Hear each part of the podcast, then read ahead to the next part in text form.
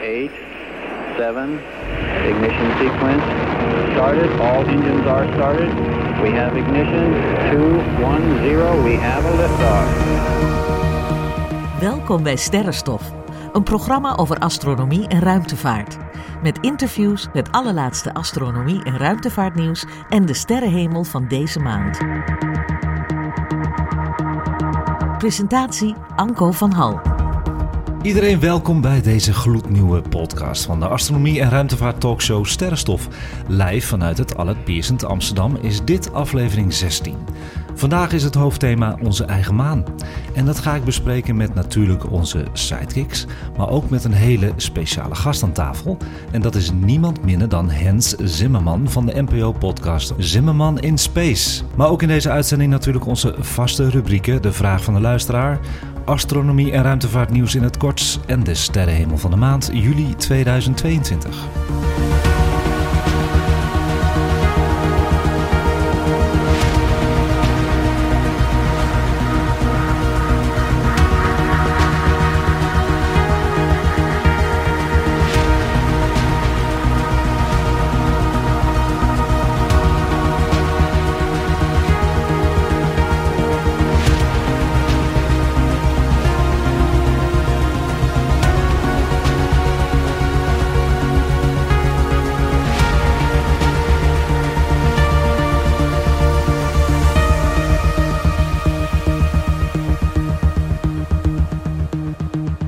Dus welkom iedereen die luistert naar Sterrenstof. En welkom iedereen aan tafel die deze maand meedoet aan de podcast. En we hebben een volle bak hoor. We hebben de sidekicks aan tafel en dat zijn... Mick van der Velden, oftewel Anne Minke. Anne Minke is er weer, gezellig. En we hebben er nog eentje die vol met hooikoorts zit, maar hij is er toch. Heerlijk. Vol met hooikoorts. Hoi, dit is Abe. En we hebben op de achtergrond ook nog... en Die komt er nu aan hoor. Jeroen. En jij gaat af en toe even er doorheen hè, als je een vraag hebt.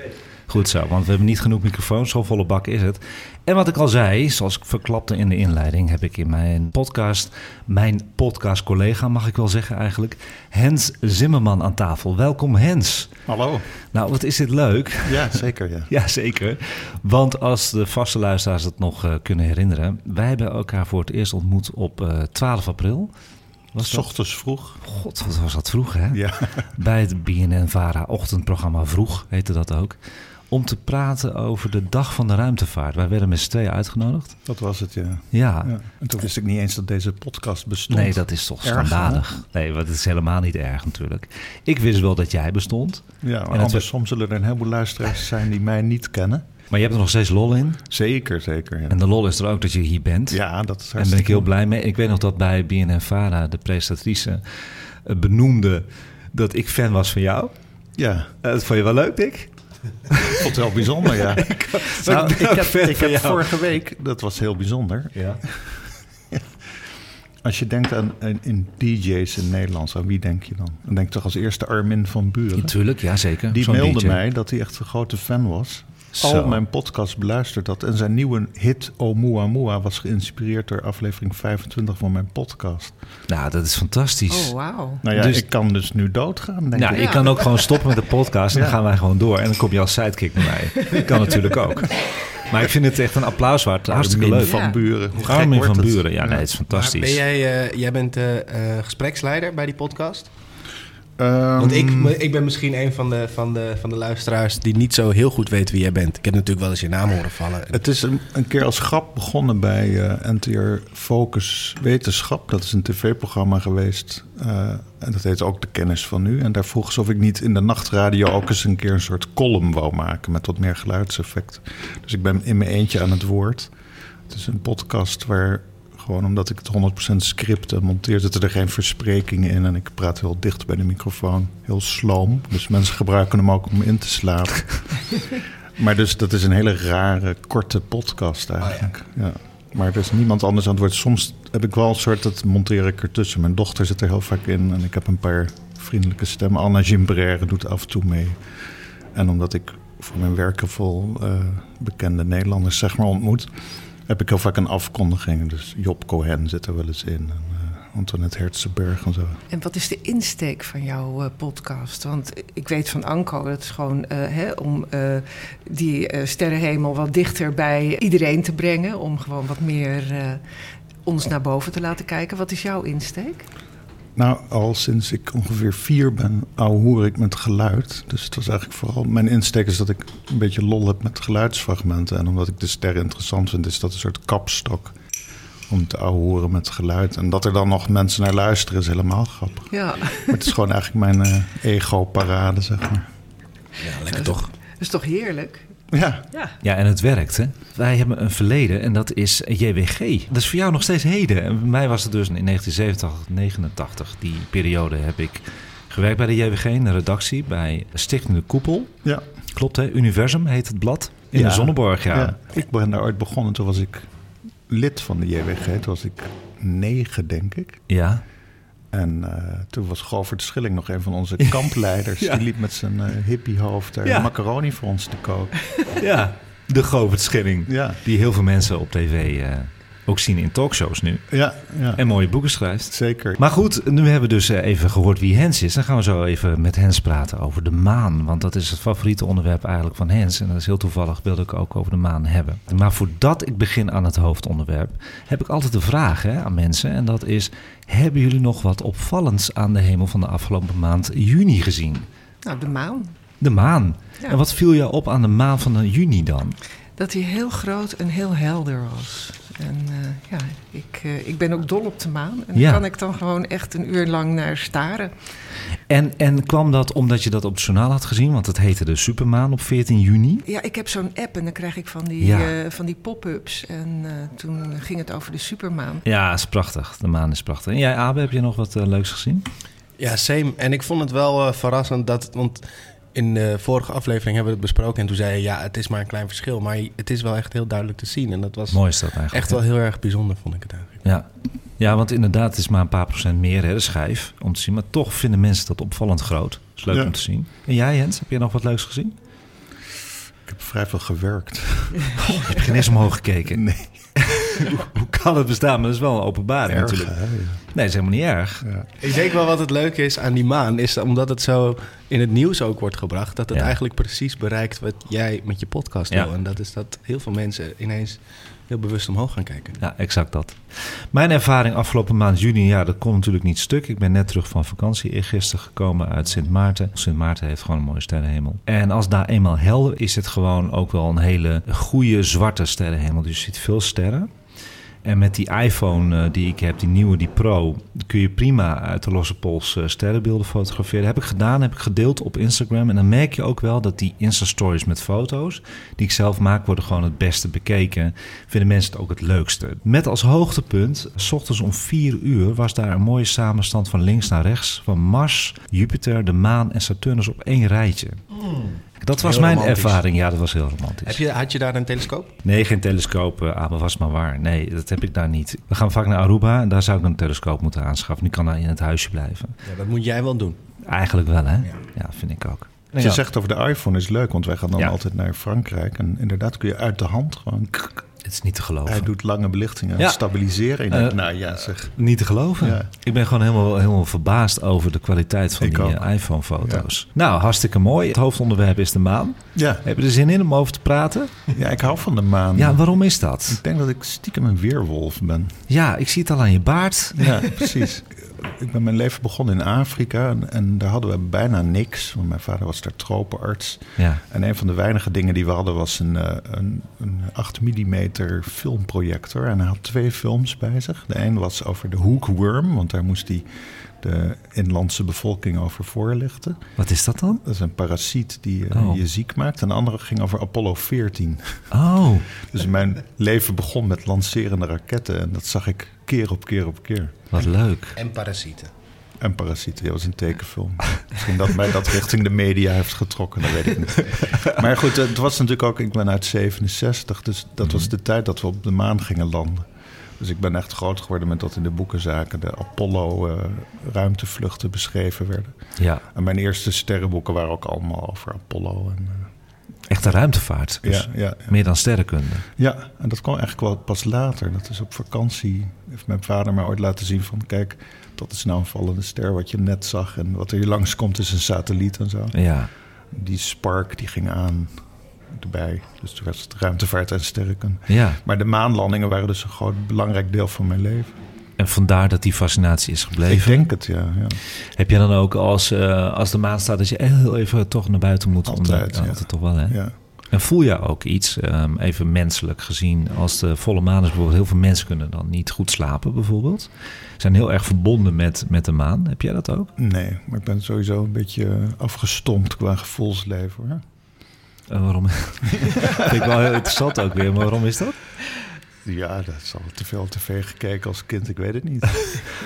Raak je daar afgestomd van, ja? ik denk het. Gevoelsleven is afgestomd. Ja, Maar, eh, eh, ik heb geen speciaal gevoel. Nee, ik vind de maan mooi om naar te kijken. En dat is ook heel dankbaar als je een sterrenkijker hebt. Ja, En dan moet je juist niet bij volle maan kijken. Nee, zeker. Dan word je verblind, dan zie je alleen maar de aders in je ogen. zeg goede maar. tip voor mensen, ja, klopt. Kijk, bij eerste kwartier, dan zie je zo op de scheiding die, die schaduwen van de kraters. Ja. Ontzettend mooi. Dat is prachtig. Dus als je in de meest licht vervuilde omstandigheden... wij wonen dan in de buurt van Utrecht... dan zie je een drie sterren en de maan, zeg maar. Ja, Maar de maan is altijd mooi door een kijker. Daar kan ik wel echt van genieten, ja. goede tip voor, voor de luisteraars weer. Ja. Maar klopt het ook? Want ik, ik, ik heb dan altijd iets van. Is dat nou wel zo? Ja, ik ben, ik ben een ongelooflijk nuchter mens. En ik denk altijd van. Ik geloof het pas als, het echt, eh, als ik het echt kan zien en, en het bewezen is. Maar is het ook echt bewezen dat mensen slechter slapen door de maan? Het laatste wat ik daarover gelezen heb, is dat dat niet zo is. Er zijn ontzettend veel broodje-aap verhalen over dit Precies. Nou ja, ik, ik denk dan ook altijd van mensen denken dat ze dan niet goed kunnen slapen. En dan wordt het een soort self-fulfilling prophecy. Dat is heel veel met dit soort dingen, ja. Ja. placebo-werking. Ja, er gaan ook fabels rond, bijvoorbeeld dat eh, in nonnenkloosters vrouwen op hetzelfde moment gaan menstrueren. Ja. Dat is gewoon niet waar. Hè? Het is een heel klein slecht onderzoek geweest en het is opnieuw gedaan. En dan blijkt dat het gewoon statistisch zo'n Gauss-curve is en dat er helemaal niets speciaals is. Waar heeft dat mee te maken dat mensen dat zo graag willen? Ik denk dat Die we... honger. Ja, dat, dat is een ding wat ik mij in mijn eigen podcast ook va- vaak afvraag. En ik denk dat het is omdat eigenlijk snappen we geen jota van het leven. Hè? We zitten hier maar, maar Precies. het is ooit ontstaan. Dat snappen we helemaal niks van. Nee. Niemand heeft ook eigenlijk door waarom we hier zijn. nee. Dus sommige mensen verzinnen er dan een god bij om het te verklaren. Ja. Maar iedereen heeft een soort behoefte aan iets wat het magisch mooi maakt en verklaart. Dus, Ja. ja, Dat is het, denk je. onder andere, ja. Eh, romantiseren van. Ja, ik kan me daar helemaal eh, in vinden. Ja, ik Ja. denk dat het klopt. Nou ja, eigenlijk doe ik dit met sterrenstof ook. Hè. Ik maak het allemaal, nee, niet mooier hè. Nee, niet mooier. Maar ik probeer wel de Toegankelijker. toegankelijker te maken en de juweeltjes uit, eh, Ja. eruit te halen. Nou, dat vind ik het fijne van astronomie. Hè? Zelfs, ik heb dan het idee van een god helemaal losgelaten. Spook en dat soort dingen. En telepathie. Ik geloof er helemaal niks van. Mhm. Maar astronomie is zo mooi. Als je kijkt wat voor foto's we tegenwoordig krijgen van eh, de ruimtetelescopen. Dat is gewoon puur prachtig. Daar hoef je al niet meer te fantaseren. Nee, nee, en esthetiek is natuurlijk wel een ding wat wij gekregen hebben bij onze evolutie. Dat je mag genieten van kunst. Zeker. Ja. En dat is kunst, ja, inderdaad. Ja, eigenlijk wel. Het is de natuur die een soort kunst ja, aan ons opdringt. Zeker. Ja. We gaan even terug naar de maan, want we hebben een vraag van de luisteraar gekregen. Die ga ik je nu eventjes laten horen. En dat gaat over de maan. Hey Anko, ik heb een vraag. Ik vraag me af, wanneer denken jullie dat er weer eens iemand op de maan staat? Nou, ik hoor het wel. Groetjes, Maartje. Leuke vraag van Maartje, want ik heb wel vaker deze vraag gehoord. Ja. En mensen zijn eigenlijk, en vooral die generatie van nu, eigenlijk ook mijn generatie, en ik ben een oude lul al. En jij ook, jij hebt hem ook niet live gezien, de maanlanding van de jaren 60. Ik wel. En, en Anneminke wel. Yay! Kun je je dat goed herinneren, Anneminke? Ja, wij zaten met de hele familie, eh, het hele gezin voor de televisie. Jaloersmakend. Ouderwets uh, buizentelevisietje en eh, ja, prachtig. Wauw. Nee, dat wist ik helemaal niet. Ja. Dus dat is een verrassing voor mij. Hartstikke goed. Ja, je ziet zo nog- oud ben ik al. Nee, je ja. ziet er heel jong uit bij deze. Maar Hens, wanneer gaan we weer naar de maan? Ik denk dat we dit decennium daar nog gaan rondlopen. Ja, Dat wordt NASA. Er zijn natuurlijk allerlei partijen die nu een zin op de maan hebben gezet. We hebben bijvoorbeeld Israël en het uh, Saoedi-Arabië. klopt. Ja. De Emiraten, Emiraten die ook ook daar mee. landen. Mhm. Maar voordat die daar een bemande vlucht naartoe hebben, dat zal nog wel even duren. Dan zou ik eerder denken dat China daar gaat landen met mensen. Ja, En die hebben daar volgens mij ook niet zo'n vaart mee. Dus ik denk dat het NASA gaat worden. Die hebben dus de astronauten er al voor geselecteerd. Er Mhm. wordt waarschijnlijk één vrouw en één man van, eh, met een donkere huidskleur. oké. Inclusiviteit. En ik denk dat dat dit decennium nog wel gaat gebeuren. Het is even de vraag wat nu het eerste gaat gebeuren. Want SpaceX wil ongeveer in de, het idee van Apollo 8... een bemande vlucht om de maan maken. Ja. Waarbij je dus niet landt op de maan. Mhm. En de NASA wil dat eigenlijk ook Oké. met Artemis. Dat wordt volgens mij Artemis 2. Maar je ja, hebt ook Artemis 1. ja, die moet nog steeds gelanceerd Die moet nog steeds gelanceerd worden, maar die zou in februari gelanceerd Ja, worden. dat zijn Met de Orion. eh, Dat project is veel te duur geworden en veel te tijdrovend. Maar waarom gaat men eigenlijk zo weinig naar de maan? Want, want inderdaad... Nou ja, dat was mijn vraag. Met welk doel wil je dan naar de maan? Wat, wat is het doel? Het is net als in de jaren 60, 70 van de vorige eeuw... is het natuurlijk gewoon dat we niet anders kunnen... dan onze expansie in het heelal vormgeven. ja.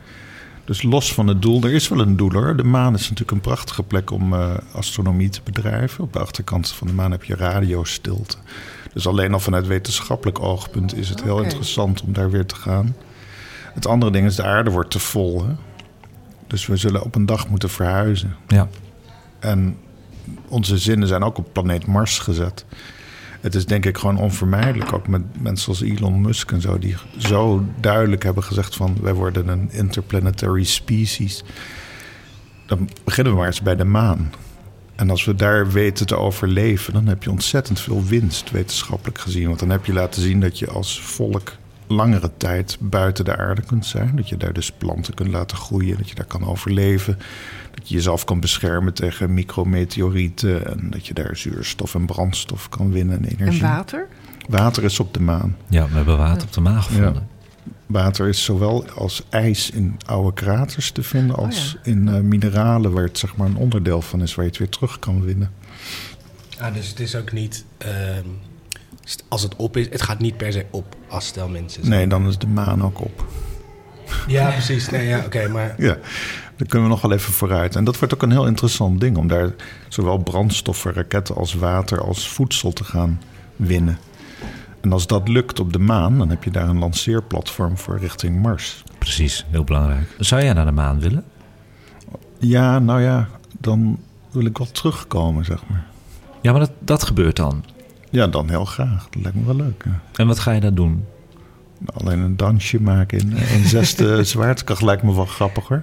En dan op social media zetten, op TikTok of zo. Ik zit niet op TikTok. Ik, nee. ik wil wel naar de maan, lijkt me mooi. Je wil naar de maan, hè? Ja. Ik heb ook een VR-app. Dat is fantastisch. Heb je een VR-bril? Nee.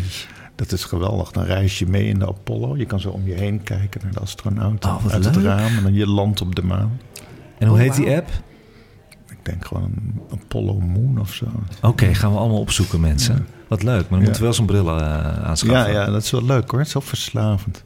Oh, wat fantastisch. Wat Een goede tip ook weer. Ja. Hey, en over die, eh, die eerste even terug te komen op de vraag van Maartje. Nou, ik denk dat ze al een heel goed antwoord heeft hoor. Maar ik heb een beetje opgezocht de, de feiten inderdaad. Dus het zou in 2024 moeten gebeuren. De eerste man en vrouw op de maan. Dat lukt niet. En eh, er zijn inderdaad problemen met die ruimtepakken. Ze hadden twee hele spiksplinternieuwe pakken ontworpen. Maar ja, door eh, financieringstekorten en ook door COVID-19 is het allemaal onhaalbaar. En op zijn vroegst zal nu, een datum ga ik nu zeggen, maar ja, dat staat op internet, 2025 worden. Dat er weer mensen op de maan gaan lopen. Dat is best snel. Ja, dat vind ik ook wel vrij snel. Ja. Ja, ik, ik zit eigenlijk meer te wachten op de eerste mensen op Mars. Dat lijkt me veel fantastischer eigenlijk. Ik weet het niet. Soms Maar gaan kom- dingen heel snel, soms juist niet. Maar dan kom je niet meer terug hè, als je helemaal op Mars zit, toch? Nou, Het kan wel, maar Ja. het duurt allemaal heel lang. En Ja. Ik weet niet of de mens dat kan hoor, op deze manier. Ik weet niet of de mens daar geschikt voor is om zo lang te reizen. We zijn alleen zo'n kleine... ook dat wordt geoefend, hè? Ja, dat wordt geoefend hè, nu. Ja. In de woestijn hè. Precies. Ja. Of je elkaar de hersens je precies. zes maanden met een paar eh slaakroppen samen moet leven in een kamer van 2 bij 2. Ja. Ze hebben dat al een Je jaar geprobeerd. Ja. ja. Nou, je moet denken, vroeger in de Gemini eh, ruimtevaartuigen... dat is ongeveer alsof je met z'n tweeën in een telefooncel zit. Ja. En dan moet je dus een paar dagen... ja, alle dingen die een mens moet doen... samen in één telefooncel doen.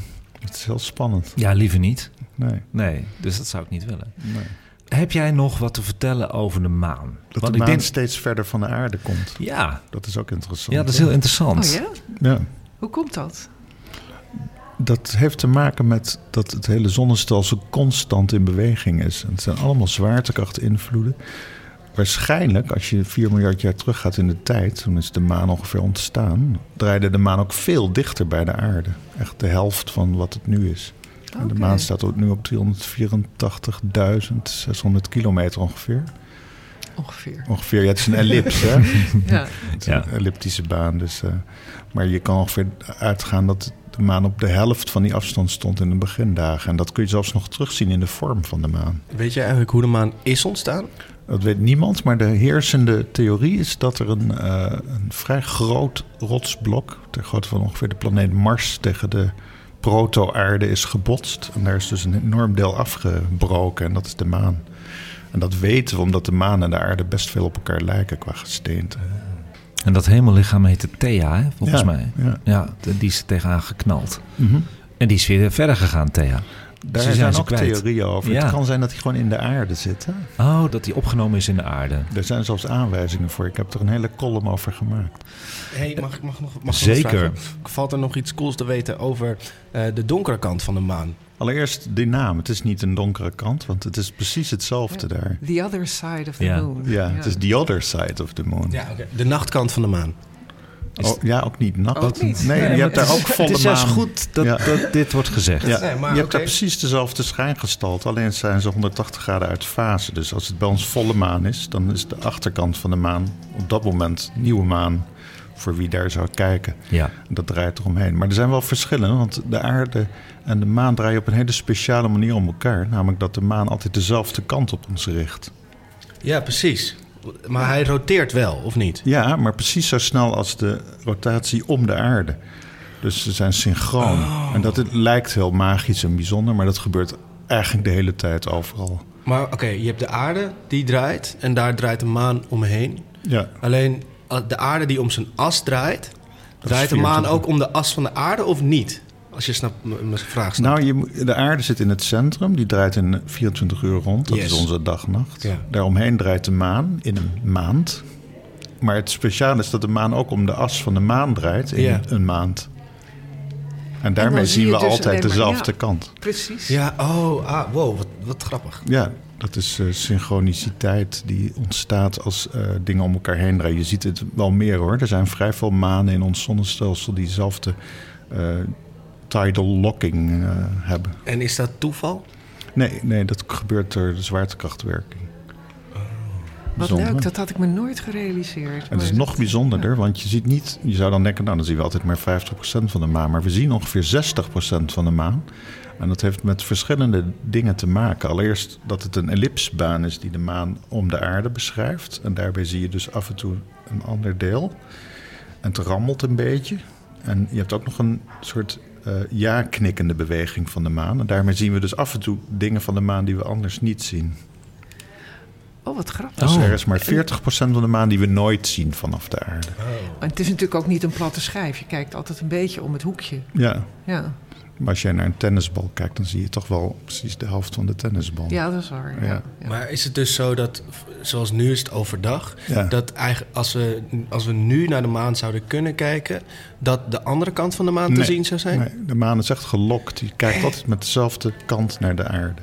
Ja, ik, ja, misschien ga ik hier te lang over door, maar ik snap hem gewoon nog niet helemaal. Weet je wat, Abe?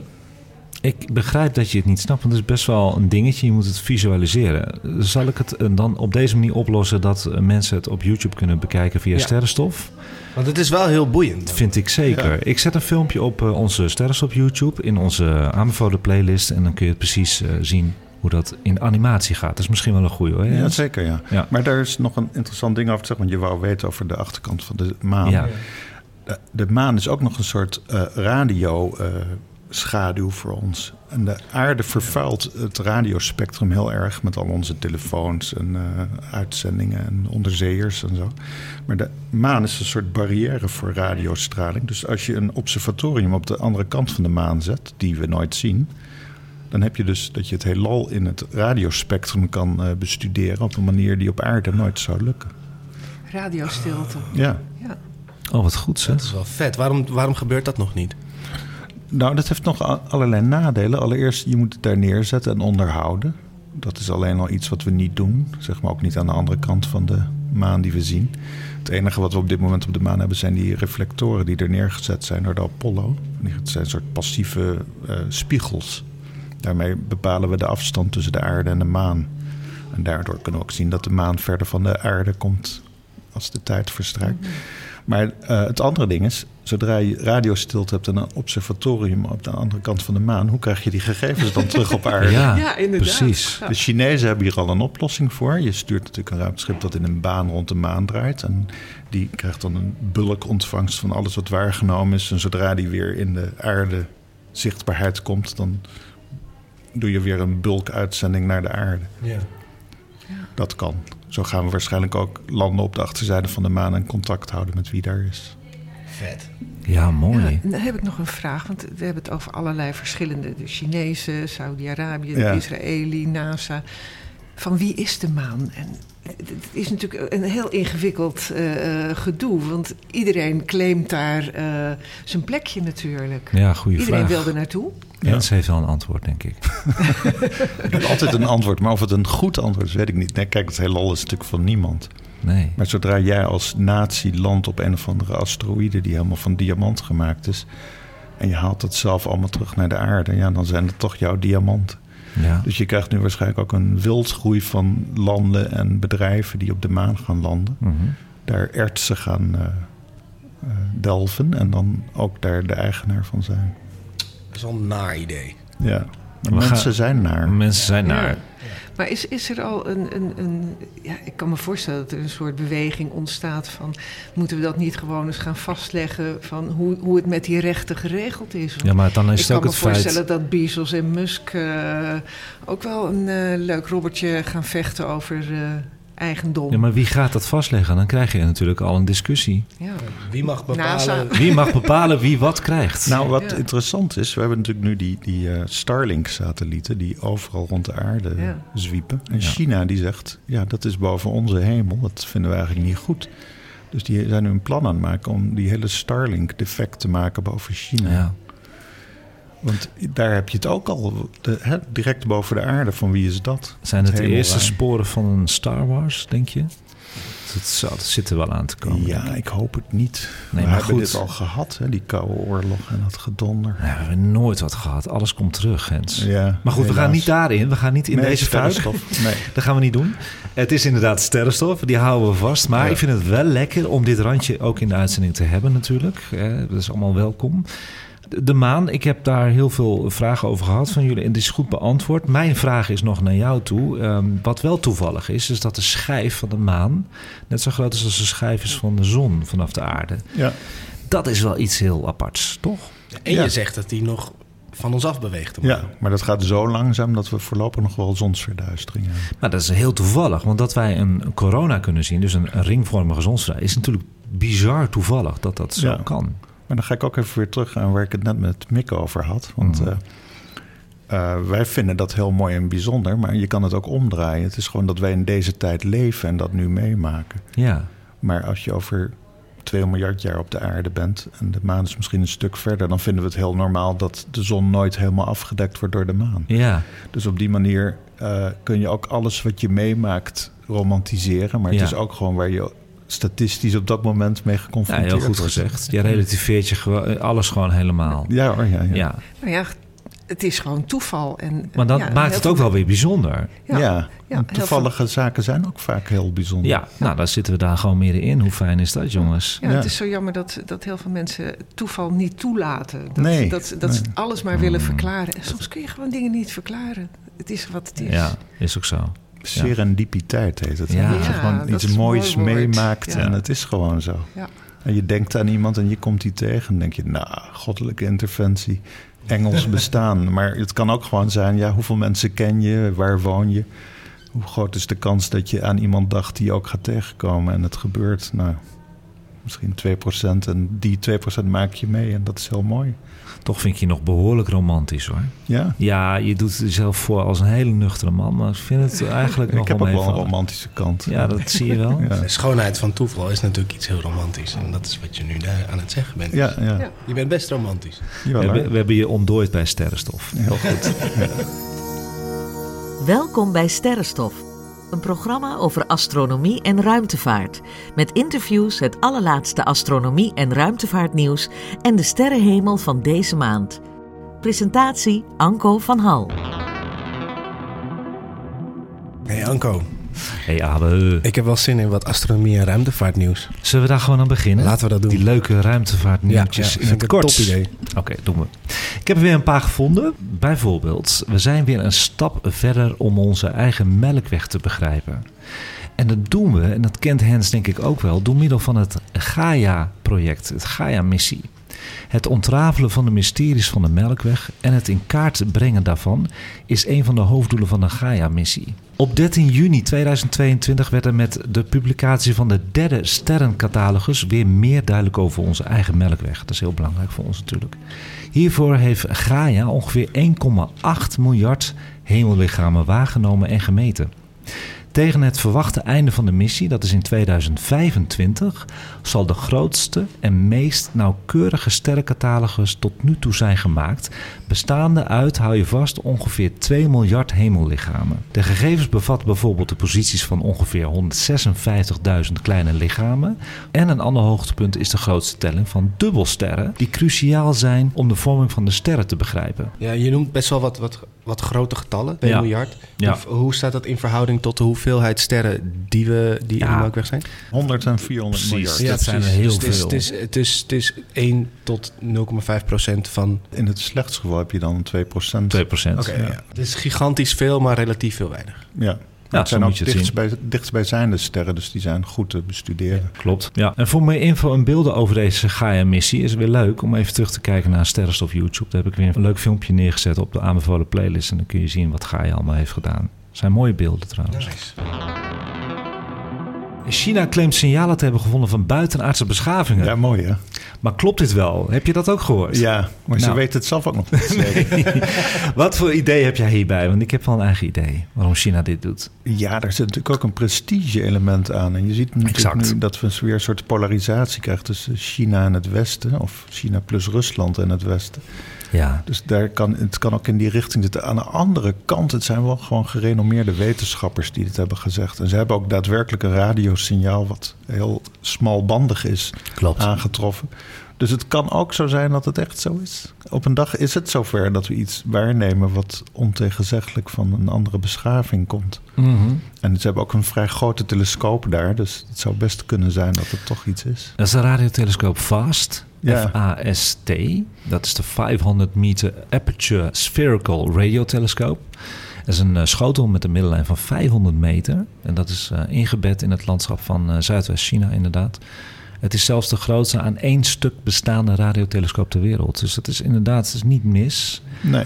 Ze hebben wel het ehm, artikel teruggetrokken op dit moment. Het stond in de Science and Technology Daily, de officiële krant van het Chinese ministerie van Wetenschap en Technologie, op 14 juni. Maar ze hebben het nog wel op social media staan. Waarom is het teruggetrokken dan? Omdat heel veel onderzoeks van SETI, en SETI is de Search for Extraterrestrial Intelligence Instituut, die zeggen de signalen die we tot nu toe hebben gevonden zijn niet afkomstig van buitenaardse, maar van aardse bronnen. En dat zeggen heel veel kopstukken van SETI op dit moment. Dus China vindt dat ze eigenlijk een beetje belachelijk gemaakt worden en willen dat niet. Er zijn natuurlijk hele trotse mensen en dat mag ook en trekken daarom dit terug in zo'n scienceblad, maar niet op social media. Dus ze staan er eigenlijk nog wel achter. Ja, in die zin, kijk, wetenschap is een heel zuiver ding. Hè? Dus Ja. je kan iets beweren en dan geef je het aan de wetenschappelijke community. En dan zeg je, schiet hier gaten in. En wat China doet, is die zet het eigenlijk meer een soort in de pre-press van... we hebben dit ontdekt, we weten het nog niet. Ja, En social media is geen wetenschap, hè? Dat is gewoon een groot zwetskanaal waar je alle onzin bij elkaar kan vinden. Plus wetenschap. En dat Mhm. maakt dat het heel onduidelijk is waar je naar kijkt. Het betekent gewoon dat China dit nog niet door de wetenschappelijke eh, keuring heeft weten te krijgen. En er kan een moment zijn dat ze zeggen: we hebben een herhaling van het signaal of een andere eh, een andere sterrenwacht op aarde of radiotelescoop zoals LOVER in Nederland heeft hetzelfde signaal uit dezelfde richting ontvangen. Dan krijg je dat wetenschap gaat zeggen van nou, wij ondersteunen wat China heeft gezien. En hier gaat een nieuw artikel over verschijnen. En dat komt gewoon in Nature. En dan is het zuivere wetenschap. Dus Ja. het is gewoon nog niet door de drempel die maakt dat iets een bewering is versus dat het wetenschap is. Ja. Maar ze zeggen daar ook van als je op zoek gaat naar hele zwakke signalen van buitenaardse beschaving, dan word je dus, wat jij al zegt, hè, met die achterkant van de maan ook, overspoeld door radiostraling afkomstig van de aarde. Hè, dat is van televisies, van mobiele telefoons, satellieten. Het is dan ook wel heel erg moeilijk om te bepalen wat storende straling is en wat een signaal kan zijn van een verre beschaving. Nou ja, daar ben ik het mee eens. Maar hoe fijn zou het zijn als we dat wel zouden ontvangen? Fantastisch, ik wil het ook nog meemaken. Ja, ik denk we. dat we het ook nog gaan meemaken. Ja, ik denk dat we het gaan meemaken door de James Webb-telescoop. En Dat dan- denk ik ook. Ja, ja. dat denk ik denk ook, ook, dat het heel teleurstellend gaat worden. Dat we gaan zeggen, we hebben dit aangetoond en het zit op 400.000 lichtjaar van ons Ja. vandaan. En we zullen het nooit zeker weten. Nee, en dat is de frustratie die ik steeds in elke uitzending zeg. Hè. Wij gaan het gewoon ontdekken, maar dan staan ze zo ver weg, we kunnen er nooit naartoe. We zullen het nooit zien. Nee. Nee. het hooguit horen. Ja, of, of je ziet het in de atmosfeer ja. van een exoplaneet. Dat je Ja. zegt, ja, dit is een verbrandingsgas wat niet zomaar in de natuur voorkomt. Precies. Dat is wat ze gaan ontdekken, denk Ja, ik. dat denk ik ook. Nou, dat was het nieuws van afgelopen maand. Maar we hadden nog meer hoor. Afgelopen maand heb ik ook gedeeld vanuit vakantie. Vond ik leuk om te doen. Via de Instastory News highlights op Instagram heb ik wat gedeeld. En dat was bijvoorbeeld de spiegel van de James Webb die geraakt was door een micrometeoriet. Heel spannend nieuws. Kun je ook op onze Sterrenstof YouTube bekijken wat er gebeurd is met de James Webb. Gelukkig kan die nog steeds zijn gang gaan. Nog een nieuwtje dat NASA nu officieel meedoet aan de jacht op de UFO's. Dat is nog nooit gebeurd. En nog een nieuwtje. De dode ster, een zogenaamde witte dwerg, eh, is betrapt tussen aanhalingstekens op het vernielen van een eigen planetenstelsel. En daar zijn mooie beelden van ook via onze YouTube Sterrenstof. Dus die nieuwtjes had ik ook nog voor jullie. Wat cool, dat heb ik nog helemaal niet gezien. Nee, en daarom benoem ik het nog even. Precies, wat fijn. Dan gaan we nu naar de sterrenhemel van de maand juli 2022. En eh, we zijn heel benieuwd wat er allemaal te zien is vanuit eh, de tuin of balkon aan de sterrenhemel. Dus pak je agenda er maar bij en luister of schrijf mee wat er allemaal te zien is aan de sterrenhemel van juli 2022.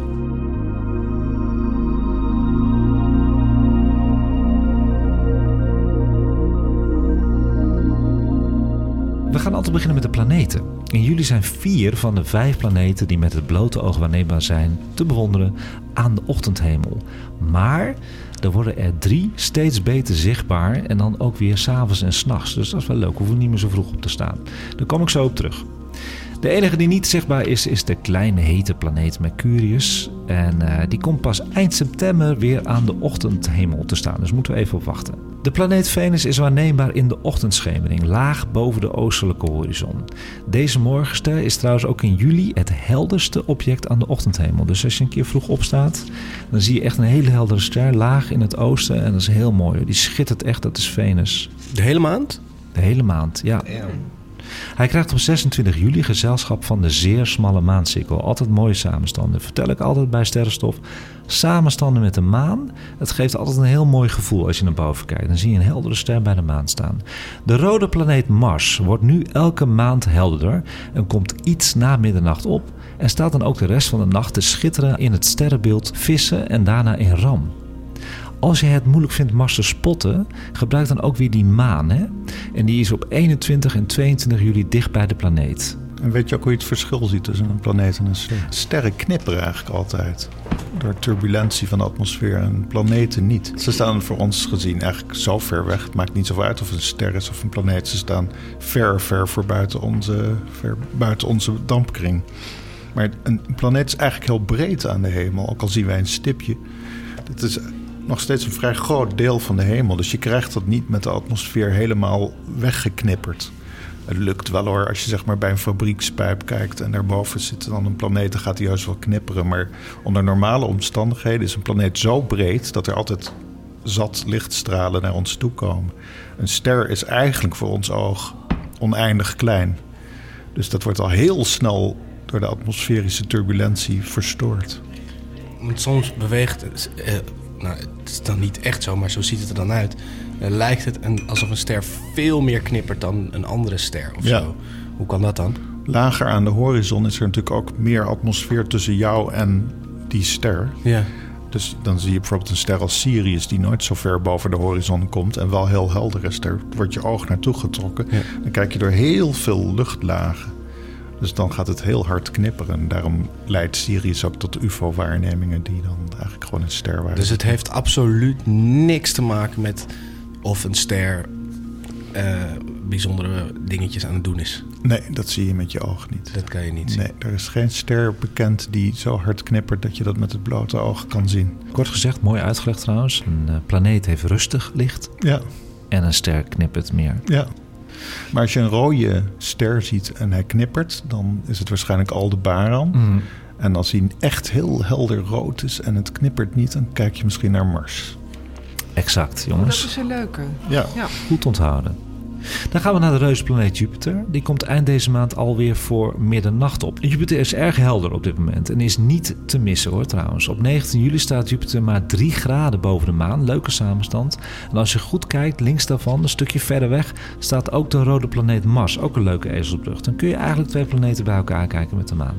Bekijk deze samenstanden wat later in de nacht richting de ochtend dan. En dan hebben we nog een planeet, de mooie planeet met de ringen, dat is natuurlijk Saturnus. Die komt net als Jupiter ook steeds vroeger op. En zelfs aan het eind van juli al rond 10 uur. Dat is al heel vroeg. Op 16 juli kun je al voor middernacht dus een mooie samenstand zien met Saturnus en de maan. We zitten natuurlijk in de zomermaanden en dan denken heel veel sterrenkundigen altijd, ah shit, de zomermaanden, want eh, nou, dat is de slechtste maanden zijn uiteindelijk voor sterrenkijkers natuurlijk. Want hoe komt dat? Dat komt door de grijze nachten. De grijze nachten zijn eigenlijk de, de nachten waar het nooit echt meer donker wordt.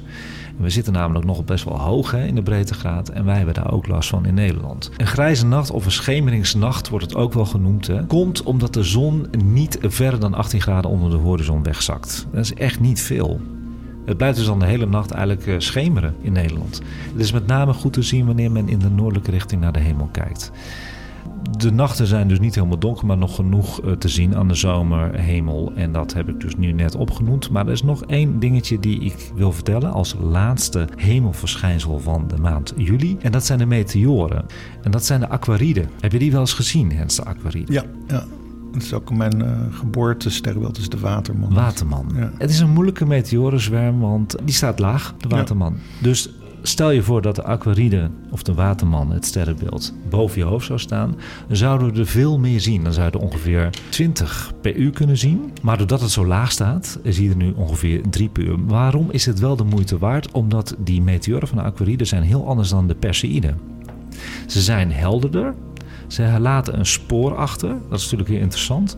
En ze zijn uh, trager. Wanneer in, de, in juli is dat? Dat is maximum op vrijdag 29 juli. Ik ga er ook aandacht aan besteden op Instagram. Dus ik doe een vooraankondiging. Leuke sterrenhemel deze Ja, man. toch leuk hè? Ja, je zet over dat het eigenlijk een slechte tijd is om sterren te kijken. Maar ik vind het altijd ook een mooie tijd, omdat we hebben allemaal vakantie. Ja. Heel veel van ons gaan toch wat zuidelijker, Klopt. waar het donkerder wordt. Uh, je hoeft niet vroeg op te staan. En uh, wat daar aardig aan is, is dat je dan dus ook gewoon meer tijd hebt om naar boven te kijken. En dan zie je ook allemaal dingen, los van of er een meteorenzwerm is, zie je eigenlijk elke nacht wel een meteoor. Want er zijn natuurlijk ook sporadische dingen die opfikken in onze atmosfeer. Dat kan ook gewoon iets zijn van menselijke oorsprong. Hè? Een stukje van het ISS wat afbrandt. Dat kun je als meteoor zien. Ja, is ook zo natuurlijk. Ja, Ja, Gewoon snippers, verf en dat soort dingen. Ja, ik weet nog wel, uh, vorig jaar uh, waren wij in Frankrijk op een camping. En als ik dan uh, s'avonds naar het toilet liep, moest ik over een grasveld heen. En dan keek ik naar boven en dan, ja, dan zie je gewoon alles. Dan zie je andere melkwegstelsels er doorheen, van die grijze zwermen en zo. Ja. En denk van, jemig, dat zien wij gewoon in Nederland nergens meer. Dit, Nee. Hier moet je echt voor naar een gebied waar, gewoon, waar je gewoon geen, geen lichtinterferentie hebt. Waar je gewoon echt die donkere hemel kunt ja zien. precies. Ik Ja. moet zeggen dat de Waddeneilanden nog wel een soort kans hebben. Wij waren niet zo lang geleden op Texel en dan zie je de Melkweg ook best goed hoor. ja, hè? Ja, dat was fantastisch. Wat wel leuk is om op vakantie te doen, als je zeg maar rond middernacht naar het zuiden kijkt, dan Mhm. zie je de schorpioen ongeveer, het sterrenbeeld. Eh, omdat we daar ook vaak een eh, wat vrijere zuidelijke hemel hebben. Dan kijk je dus eigenlijk naar het centrum van onze Melkweg. Dat is wel interessant om te weten. mooi. En da- Ja. daar is dan ook dat zwarte gat wat dus Ja. gefotografeerd is Voor, vorige maand over gehad. door de Event Ja. Horizon telescoop. Prachtig hè? Dat is wel een gekke gewaarwording als je dan naar die band van de Melkweg kijkt. En je kijkt zo een beetje naar het zuiden. Dan kijk je naar het centrum van onze Melkweg. Iedereen goed onthouden, hartstikke mooi. Goh Hens, mag ik je bedanken voor het komen? Ja, heel graag gedaan. Ik kom graag nog een keer hoor. Ik vind het leuk. En tot zover Sterrenstof voor de maand eh, juli 2022. Weer live vanuit het Allet Pearson te Amsterdam. Je kunt mij natuurlijk altijd mailen weer voor vragen, opmerkingen en tips op sterrenstofnieuws.gmail.com. En je kunt Sterrenstof natuurlijk ook vinden op Instagram. En je kunt ons dus volgen als je dat nog niet hebt gedaan op Sterrenstof Nieuws. Terugluisteren kan altijd via alle bekende podcastplatformen. En ik wil bedanken mijn sidekicks Abe, Anneminke en Jeroen. En Hens natuurlijk als hoofdgast. En de techniek was in handen van Erik. Dankjewel Erik. Iedereen bedankt voor het luisteren. Tot de volgende keer. En kijk eens wat vaker omhoog.